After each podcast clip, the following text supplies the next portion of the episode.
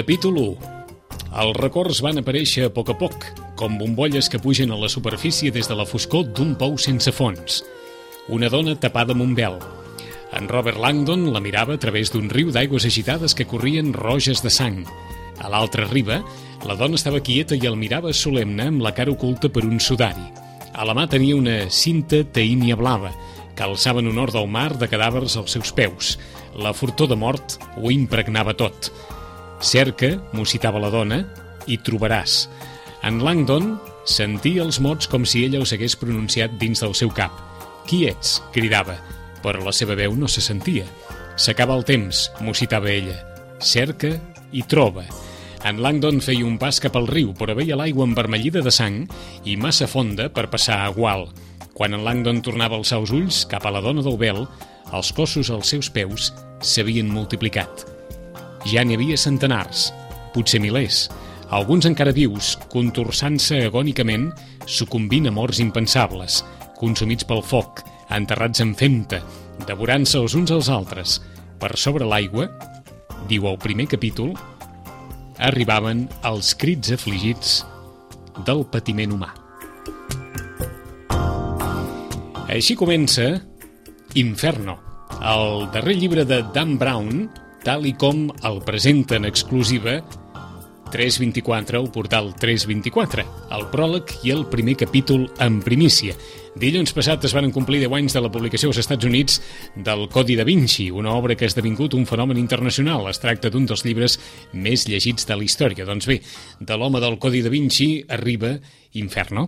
Rosana, bon dia i bona hora. Hola, molt bon dia.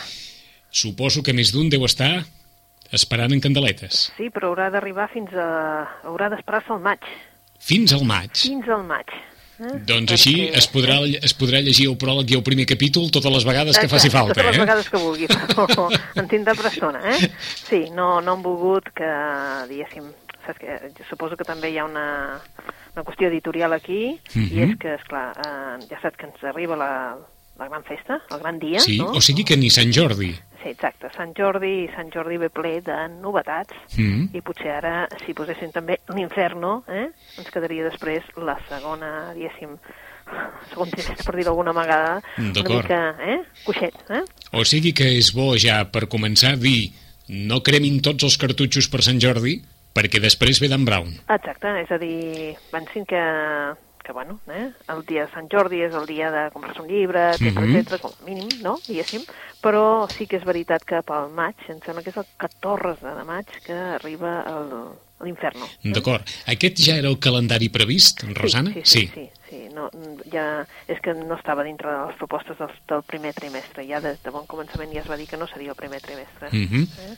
Suposo també que és que, clar, eh, es preveuen tant de temps que, que la veritat és que resulta difícil ara encaixar-lo aquí perquè suposo que ja ho teníem previst del tot que fos el maig. Eh? I ells ja van dir que el primer trimestre no seria, per tant, estan complint. Eh? Eh, De tota manera, mm, per Sant Jordi hi haurà un munt de novetats, eh? Moltes. Moltes. Hi ha moltes a sobre la taula. Ningú, vols dir que ningú enyorarà d'entrada No, jo Dan Brown, eh? és molta novetat, eh? És, Mhm. és, és, és horrorós. Aquests dies realment són d'aquells atabaladors de tanta, tanta, tanta novetat, eh? Vull dir... Sí, perquè és que en el fons ens queda un mes. Sí, ens queda un mes, ja saps que entremig això de la Setmana Santa, suposo, doncs, saps? Allò... Mhm. Bé, es treballa fins al dia dijous, per exemple, sí, sí. no? Que Però, hi hagi un... eh, escolta'm, quantes Pasques havien coincidit amb Sant Jordi? I tant. I era, I era el terror dels llibreters Mm. I aquesta vegada resulta que arribarà Setmana Santa doncs encara dues setmanes abans Sí. eh, sense cap mena de, de complicació per part de, del sector, eh? Sí, sí, sí. Sí, perquè a més a més, vull dir, ahir doncs van arribar el doble de caixes perquè doncs el transport, avui se, es preveia que no Sí, hi que hi ha vaga de transport, sí. i Tal. Llavors, demà surt el llibre de, de l'Espinosa i per tant havien de repartir, però molt, molt, molt ràpid. D'acord, demà surt el llibre de l'Albert Espinosa? Eh? Exacte. D'acord. Vull dir que... Com es diu el llibre? Uh, brúixoles, espera, ara ho diríem malament, Mhm. hauré de mirar-ho. Un segon. Mhm. Brúixoles que... Mira que, mira que tinc l'anunci a baix. No passa res. De, de recordar A veure si puc ajudar jo des d'aquí. Ah, no, ja t'ho dic de seguida, perquè és, és allò que dius, bueno... Uh, les que no han deixat de... Ara ho diré. Eh? Uh -huh. uh, de fet, clar, surt en català, castellà, és un llibre que... Esperat, suposo que esperat també per un sector, malgrat que no crec que vagi adreçat, encara no l'hem pogut llegir, però no crec que vagi adreçat al mateix públic de pulseres vermelles. D'acord. Encara, si hi ha algun fenomen en aquest moment, és el pulseres vermelles, Mhm. eh? perquè els nens es volen, cada vegada més, un públic més jove es vol comprar el llibre del pulseres vermelles. D'acord, eh? doncs el llibre no es diu... llibre, eh? La Rosana anava molt ben encaminada, però ara li... Brúixoles que somriures perduts. Exacte, acabem d'encarar la brúixola, brúixoles que busquen somriures perduts, el llibre d'Albert Espinosa, d'editorial Grijalbo, que surt a la venda demà. Demà, sí, sí. Mm. Eh? Vull dir, I, clar, eh, havien de repartir molt ràpid, però bueno, no surt només aquest.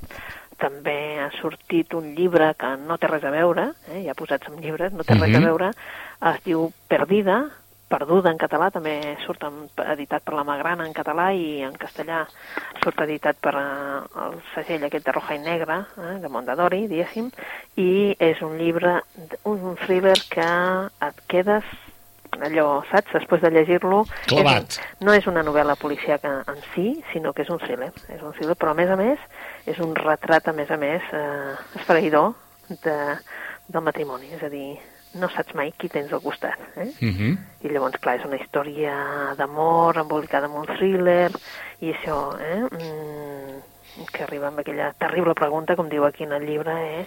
com hem arribat amb això. Mhm. Aquest llibre d'Albert Espinosa es vendrà com... Vaja, ens sembla perquè tenim tres paràgrafs i, i una mena de prèvia de, de sinopsi del llibre a la pàgina oficial d'Albert Espinosa. Diu, cometes, mai no ens mentirem, escolta'm bé, això implica alguna cosa més que ser sincer. En aquest món hi ha molta gent falsa. Les mentides t'envolten i saber que hi ha un arxipèlag de persones que sempre et diran la veritat és molt valuós. Vull que formis part del meu arxipèlag de sinceritat. L'amor vertader, la família, la venjança, les segones oportunitats, la sinceritat. En aquesta nova novel·la, Albert Espinosa ens submergeix en una història emocionant protagonitzada per uns personatges inoblidables que ens faran reflexionar i descobrir el que realment és important a la vida.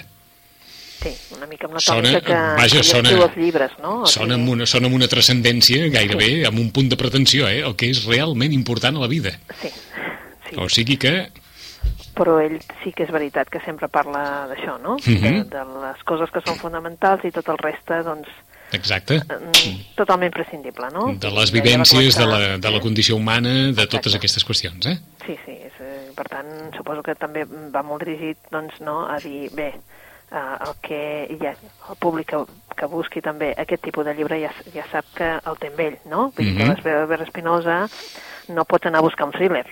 Vull dir, eh, no, eh, el que has d'anar a buscar és un tipus de, de llibre eh, d'aquests de, de que finalment tu dius, ah, sí, mm? Mhm. hi ha algú a l'altre costat. Eh? D'acord. El que s'ha posat a la llista dels llibres més venuts és La reina descalza. Sí, te'n recordes que ja ho preveiem, ja dèiem que... era una d'aquelles coses que tenies ja mm, encarrilada, eh? Sí, jo crec que sí, malgrat que, que va poquet a poquet, perquè vull dir, són, són dies també que ha, fet massa fred, no?, per tot, eh?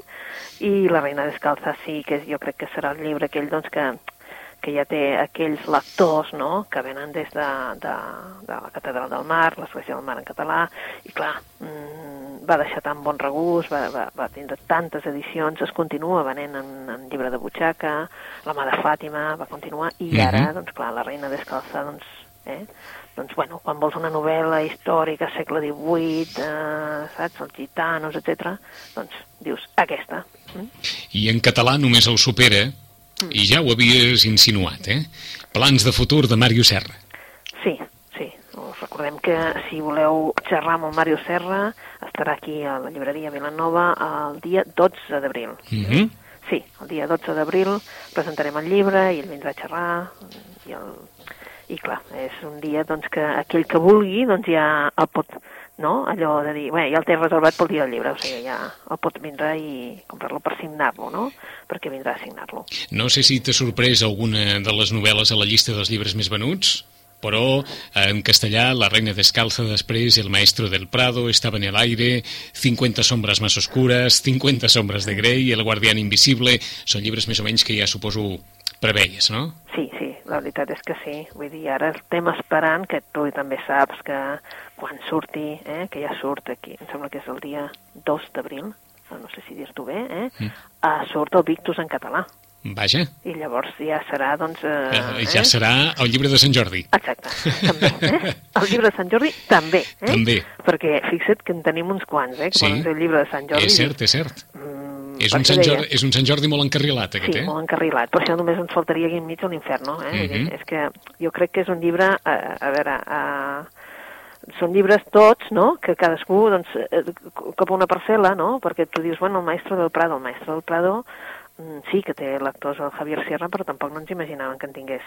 Vull dir, no?, que un llibre sobre uh, un personatge que ell troba en el Museu del Prado i que a partir d'aquí doncs, li explica tot el que hi ha ocult, o aquest sentiment d'ocultisme de tots els pintors, etc etc i que hi ha més enllà de la pintura, no creies tu que, doncs sí, doncs a la gent suposo que segueixen, són seguidors de Javier de Sierra molt més del que nosaltres ens imaginàvem. Mm -hmm. Fiquem aquí tres llibres dels quals no sé si n'havíem parlat. Havíem parlat en La orilla, de Rafael Chirves? No. No. En La orilla és la sorpresa, també. En Rafael Chirves és un autor allò més aviat de culte en el sentit de... és un autor que no és d'estar de, en grans llistes perquè es va venent, etc. Uh, sabem tots que es va fer molt famós, la sèrie, eh? el, cre el crematorio, si recordes, es va fer, es va fer a la televisió uh -huh. i a partir d'aquí també doncs, l'autor doncs, ha sigut una mica més conegut. I és curiós, ha entrat aquest llibre en la llista dels més venuts i és cert, passa que clar, no, no com els 50 sombres, eh? És un altre públic i per tant també és veritat que sí, que és un dels llibres que s'estan venent, el que passa que t'he de confessar que jo encara no l'he pogut llegir, eh? D'acord, però és un dels llibres que ha entrat a la llista de llibres més venuts. Sí, sí. I havíem parlat de l'aire que respires, de Care Santos? No, no n'havíem no. parlat. De l'aire que respires, eh? És que ara, si t'hi fixes, vull dir, mm, suposo que, bueno, no sé si es veu gaire en la llista dels més venuts, no, però sí que és cert que hi ha una sèrie de novel·les que parlen de llibreries, eh? de llibreters, eh? La llibreria del senyor Penombra, que ha sortit ara, ha sortit en català i en castellà, uh, uh, ara surt, dintre de molt pocs dies, uh, la segona novel·la de la llibreria Ambulante, mm. uh, i els llibreters hi formen part. Hi ha una, Somreia... un llibre de Nemi Paix que també es diu El Librero, uh -huh. la Buena perquè... Novel·la, que és una llibreria. Eh? Somreia perquè em sembla que des de Firmin sí, que, eh? que no havíem trobat allò, una, una collita literària. Eh? Doncs ara sí.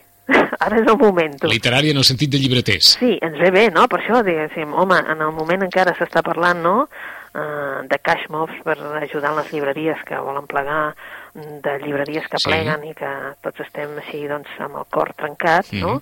Doncs que surtin mm, llibres, o sigui, novel·les que parlin de llibreries, doncs és, és força... Sí. Bueno, ens, no, ens fa respirar una mica. Novel·les de l'estimació pel llibre, eh? Exacte. Mm? pues l'aire que respires, eh, aquesta mataronina, la Care Santos, eh, doncs torna a parlar-nos de Barcelona. Eh? És un, la seva... Clar, ha anat guanyant premis i la veritat és que s'ha anat fent un lloc. La Care Santos va començar com a autora més aviat juvenil, diguéssim, amb un èxit eh, increïble en, en el món juvenil, però l'any passat, eh, no, fa dos anys, perdona, va publicar Habitacions tancades, eh, i realment és, és una obra que, malgrat que no ho sembli, està traduïda en un munt de llengües.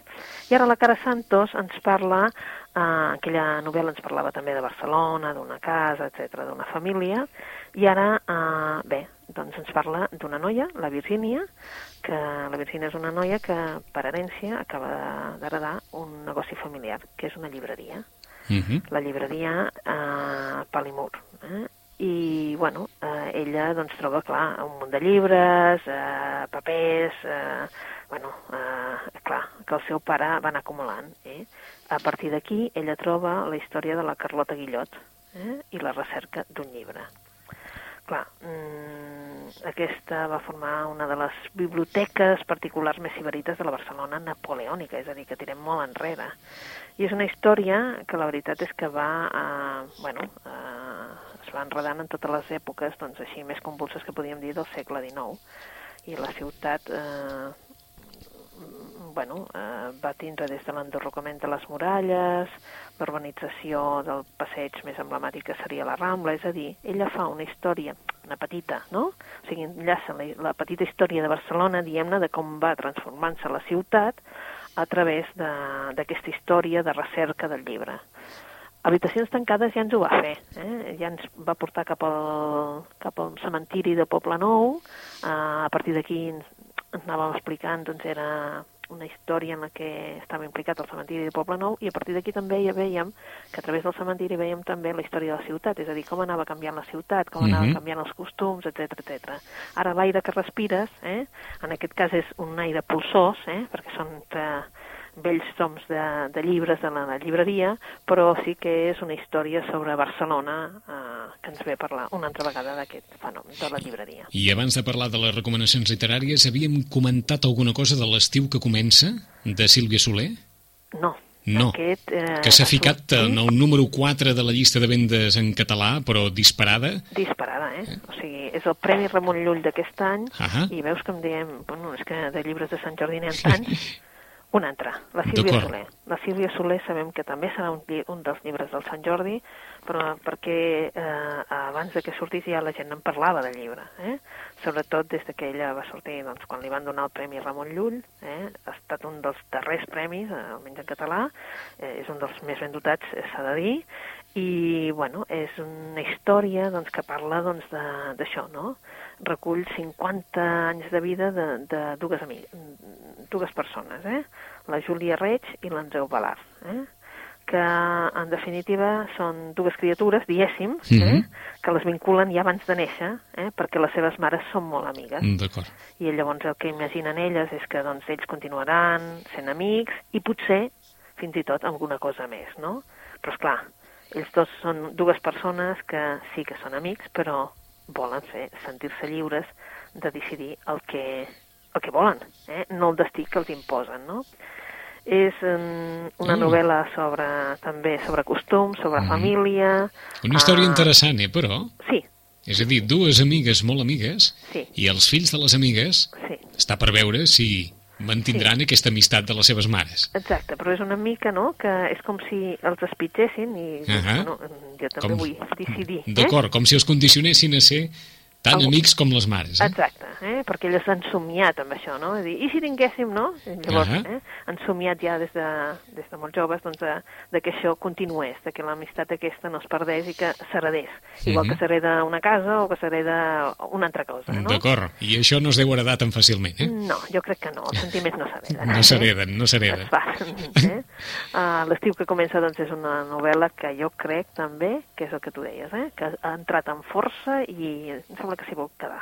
Doncs quan facis la llista de Sant Jordi i ens la diguis, aquest any serà una llista de Sant Jordi llarga, eh? Sí, llarga i, i, i complicada, eh? Perquè I complicada. hi ha tants, tants, tants que potser no cabrem mai. Perquè, eh? esclar, ja no comentem, mm, mm, perquè continua en la llista dels llibres més venuts, l'última bat de Martí Gironell, que, que està per aquí també. Sí, sí. Eh, com ens deies, quan surti Victus en català, també estarà per aquí. Sí, sí, sí estarà, ja t'ho pots imaginar, jo crec que també serà un dels llibres que que continua, és que continuen les llistes dels llibres més venuts en castellà i jo crec que també passarà ara la de català, perquè doncs hi ha, hi ha persones que encara no l'han llegit i que s'han esperat i voldran llegir-lo, suposo, en català. Uh mhm. -huh. Anem per les recomanacions, Rosana. Per on comencem? Doncs mira, jo començaria, tens des de... N'hi ha tantes que és difícil, però, bueno, pels que eh, els agrada la Kate Morton, eh? s'ha de dir, si en recordeu, del Jardí Oblidat, eh, després també ella va fer Les Hores Distants, eh? uh, Hores Llunyanes, perdona, en català era, i també La Casa de Riverton, eh? perquè anem, vam anar al revés perquè no estava editat. Eh? Ara ens arriba amb una nova novel·la, eh? no és segones parts ni res, és una nova novel·la i és uh, una novel·la que es diu uh, L'aniversari secret. Eh? El cumpleaños secreto en castellà. Ja sabeu que aquestes dues sempre s'editen en català i castellà des de, uh mhm. -huh. per, per tenir els drets, eh? no per altra cosa, perquè Suma ha decidit tenir els drets totals. Eh? Uh, estem parlant de dues èpoques diferents, una és l'any 59, l'altra és el 2011, eh? doncs eh, estem en un estiu eh? i mentre les famílies se'n va de pícnic a Suffolk, que sempre estan eh, orientades a Anglaterra, eh, la, la Laurel eh, s'amaga amb la caseta de l'arbre de, quan, de quan era petita. Eh? I ella, clar, ara és un adolescent i pensa en un nano, el Billy. Eh? Clar, és un nano, una fugida, i vol fugir eh? a Londres, i, bueno, amb aquest futur que l'espera, que, que ella espera amb impaciència. Però, és clar, eh, abans d'aquesta tarda que acabi, eh, la Laura el que presencia és un crim. Mm. Un crim que, evidentment, ho canviarà tot. Eh? Clar, després passem ja al 2011, eh? i la Laura ja és una actriu, eh? Sí. I, clar, el que passa és que, clar, el passat sempre li torna, no? I, clar, aquests records que li tornen i aquest misteri que, en el que es va embolicar aquell dia, eh, ella, malgrat tot això, torna a la casa, a la casa on va néixer, i comença una mica a, a desempolsar tots aquests records i mirar la memòria de cada un dels records de, i dels raconets que hi ha en aquesta història. I, clar, llavors eh, troba doncs, personatges molt diferents. Eh? És una novel·la d'aquelles que alterna els anys 30, els anys 50, ara, i el Cumpleaños Secreto doncs és això, un relat de misteri, de secret, eh, d'assassinat Mhm. i, evidentment, d'un amor, d'un amor que serà el de sempre. Mm? Una mica el que és mm, les novel·les, el que estem acostumats a la Kate Morton, no? però una novel·la que te'n te passes fins al final perquè doncs, et manté amb aquella intriga i amb aquella component que té la Kate Morton a les novel·les, que és intriga, amor, eh? ho té una mica tot. Doncs primera recomanació, aniversari secret, cumpleaños secreto, ràpidament, la segona. La segona. La segona és mm, molt diferent. Aquesta és una lectura que té dues, dues parts. Um, es diu El club de lectura del final de tu vida. Uh -huh. És una novel·la que, ja us ho dic ara, és una novel·la potser hauríem de dir dura. Eh, L'autor és Will Shalve i és l'autor i, a més a més, eh, diguéssim, el, el coprotagonista de la novel·la, eh? el personatge de la novel·la. Perquè, en definitiva, el personatge real de la novel·la és la seva mare i això són, unes, diguéssim, el que ell i la seva mare van compartir. Arriba un moment que tots ja adults, és a dir, els tres fills adults, ell, eh, un d'ells, eh, eh, un altre germà i una noia, ja són adults, la mare, per tant, els pares ja estan, diguéssim, són grans, etc. i a la mare li, li diagnostiquen un, un càncer de pàncreas. Un càncer de pàncreas que no té cura, ja se sap, i per tant tu des de la primera pàgina ja saps que al final és aquest, o sigui, no cal eh, adulcorar-ho amb no, res. D'acord. O sigui que és, d'alguna manera, eh, allò, la vivència Sí. de la mare i fill Sí, eh, al final de la vida de la mare i a través de la, de la lectura, a través de de la la... lectura. El que té de bonic hm, és que, com que és l'acceptació d'això, Sí, sense embatges, és a dir, això s'accepta i es viu eh, uh, com si es visqués normal. D'acord. Vale? I llavors eh, ho incorpora a la cura, com si diguéssim de la quimio, etc. Mhm. s'incorpora a la vida familiar i els fills el que tracten és de passar-ho i intentar també i donar claus, pas a, a, a poder-ho parlar. d'acord. Quina, La mare- novel·la, quina, quina novel·la, eh? Sí, no deixa en absolut que, que això entorpeixi la seva vida, és evident que l'entorpeix en el sentit de les Sí, tensions, etc sí, sí. etc, però no en fa un, un drama ni, saps, ni vol, vol disfrutar, com ha disfrutat dels seus nets, Mhm. dels seus fills i de la seva família, del seu marit, eh? I, i, ho, i ho incorporen a la vida familiar. D'acord, o sigui, vol que al final de la seva vida no esdevingui un drama, sinó que esdevingui part de la pròpia vida, senzillament. Va, aquesta és una línia de la lectura. Però Ah, l'altra sí. és que el fill, que el Will Shalve, és que resulta que era l'editor en aquell moment, l'editor d'una de les més importants literàries, de, editorials literàries dels Estats Units, Hyperion Books. Mm. I ell el que decideix és tenir una mica més de temps per la seva mare i ho fa a través de la lectura. És a dir, que fan com una espècie de club de lectura, vale? i que un club de lectura que esdevé que cada vegada doncs, que l'acompanya al quimio, eh, o es veuen a casa, etc, es proposen llibres. I ells els comenten aquí. I llavors, cada capítol de, del llibre de, del club de lectura del final de tu vida Mhm. és el títol d'un llibre. Los guardianes del libro, Caram. uh, un llibre de T.S. Eliot, un llibre de absolutament de tot. Eh? El velo pintado, del Somerset Maugham, uh, mm, absolutament comenten de Mhm. tot. I la gràcia del llibre és, per una banda, no fer-ne un drama, mm? perquè això és així, l'amor Sí. forma part de la vida, com Sí, diu sí. ella, i per tant, l'altre és tots els comentaris, perquè de vegades no estan d'acord, Mhm. ells dos. Llavors es comenten els llibres entre ells. Això és, és això és un- gairebé una vivència somatitzada, eh? Sí. a través de la literatura. a través de la literatura. Sí, sí, sí, absolutament. Absolutament. Absolutament. I a més a més, vull dir, el que té de bonic el llibre és que, clar, els comentaris són saps? Allò, de vegades crítics, de vegades bé, aquí s'ha Ah. equivocat, aquí ha fet això, uh, no, jo no ho veig així, aquí això, saps?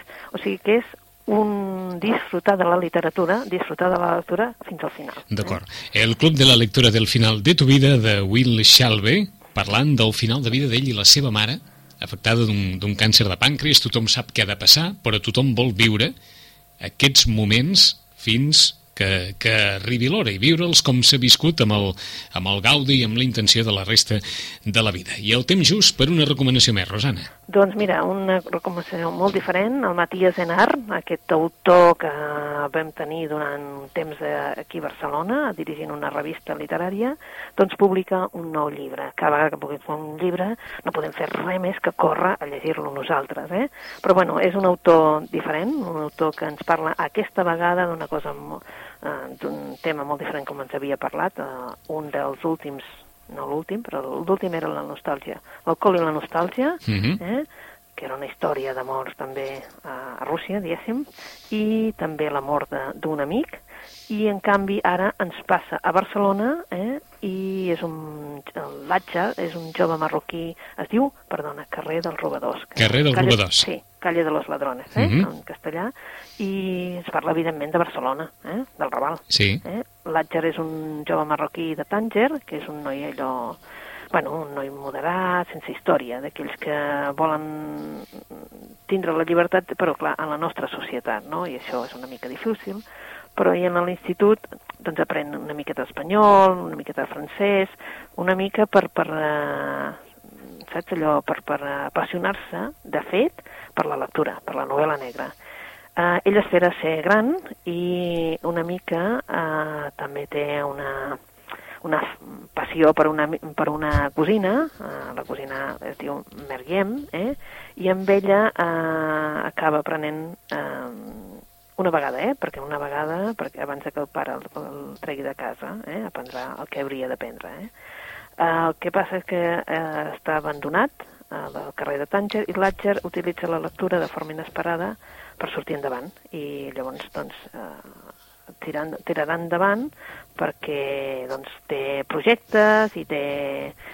És una novel·la d'iniciació, Mhm. mm, perquè és un nano, eh? i és una novel·la preciosa. Doncs ens quedem amb aquesta recomanació també de Matías Enar, carrer dels Robadors. Eh, I, i, I segurament la Rosana la ficaria dins la llista de Sant Jordi, també, eh? Sí, jo Probablement, sí, però, eh? Com que ens, unes són els més venuts i l'altra són... Exacte, els més estimats, eh? Exacte, els més venuts i els més estimats. Aquesta la faré. Eh? Hem ficat eh, Matías Enar, carrer dels Robadors, hem ficat eh, de Will Shalve, el Club de Lectura del Final de tu vida, compta també a l'hora de comprar aquest llibre, que es pensi en, en el context de, de cadascú i en fins a quin punt l'ànima pot, pot donar moltes voltes a aquesta història i Aniversari Secret, Cumpleaños Secreto, aquesta novel·la de misteri, assassinat, el passat que pesa, que cavalca entre els anys 50 i el 2011 de Kate eh, Morton. En 15 dies ens tornarem a retrobar. Rosana, bona Setmana Santa mentrestant, bona Molt Pasqua, bona setmana, molt bona lectura. i ens retrobem en 15 dies. Adéu-siau.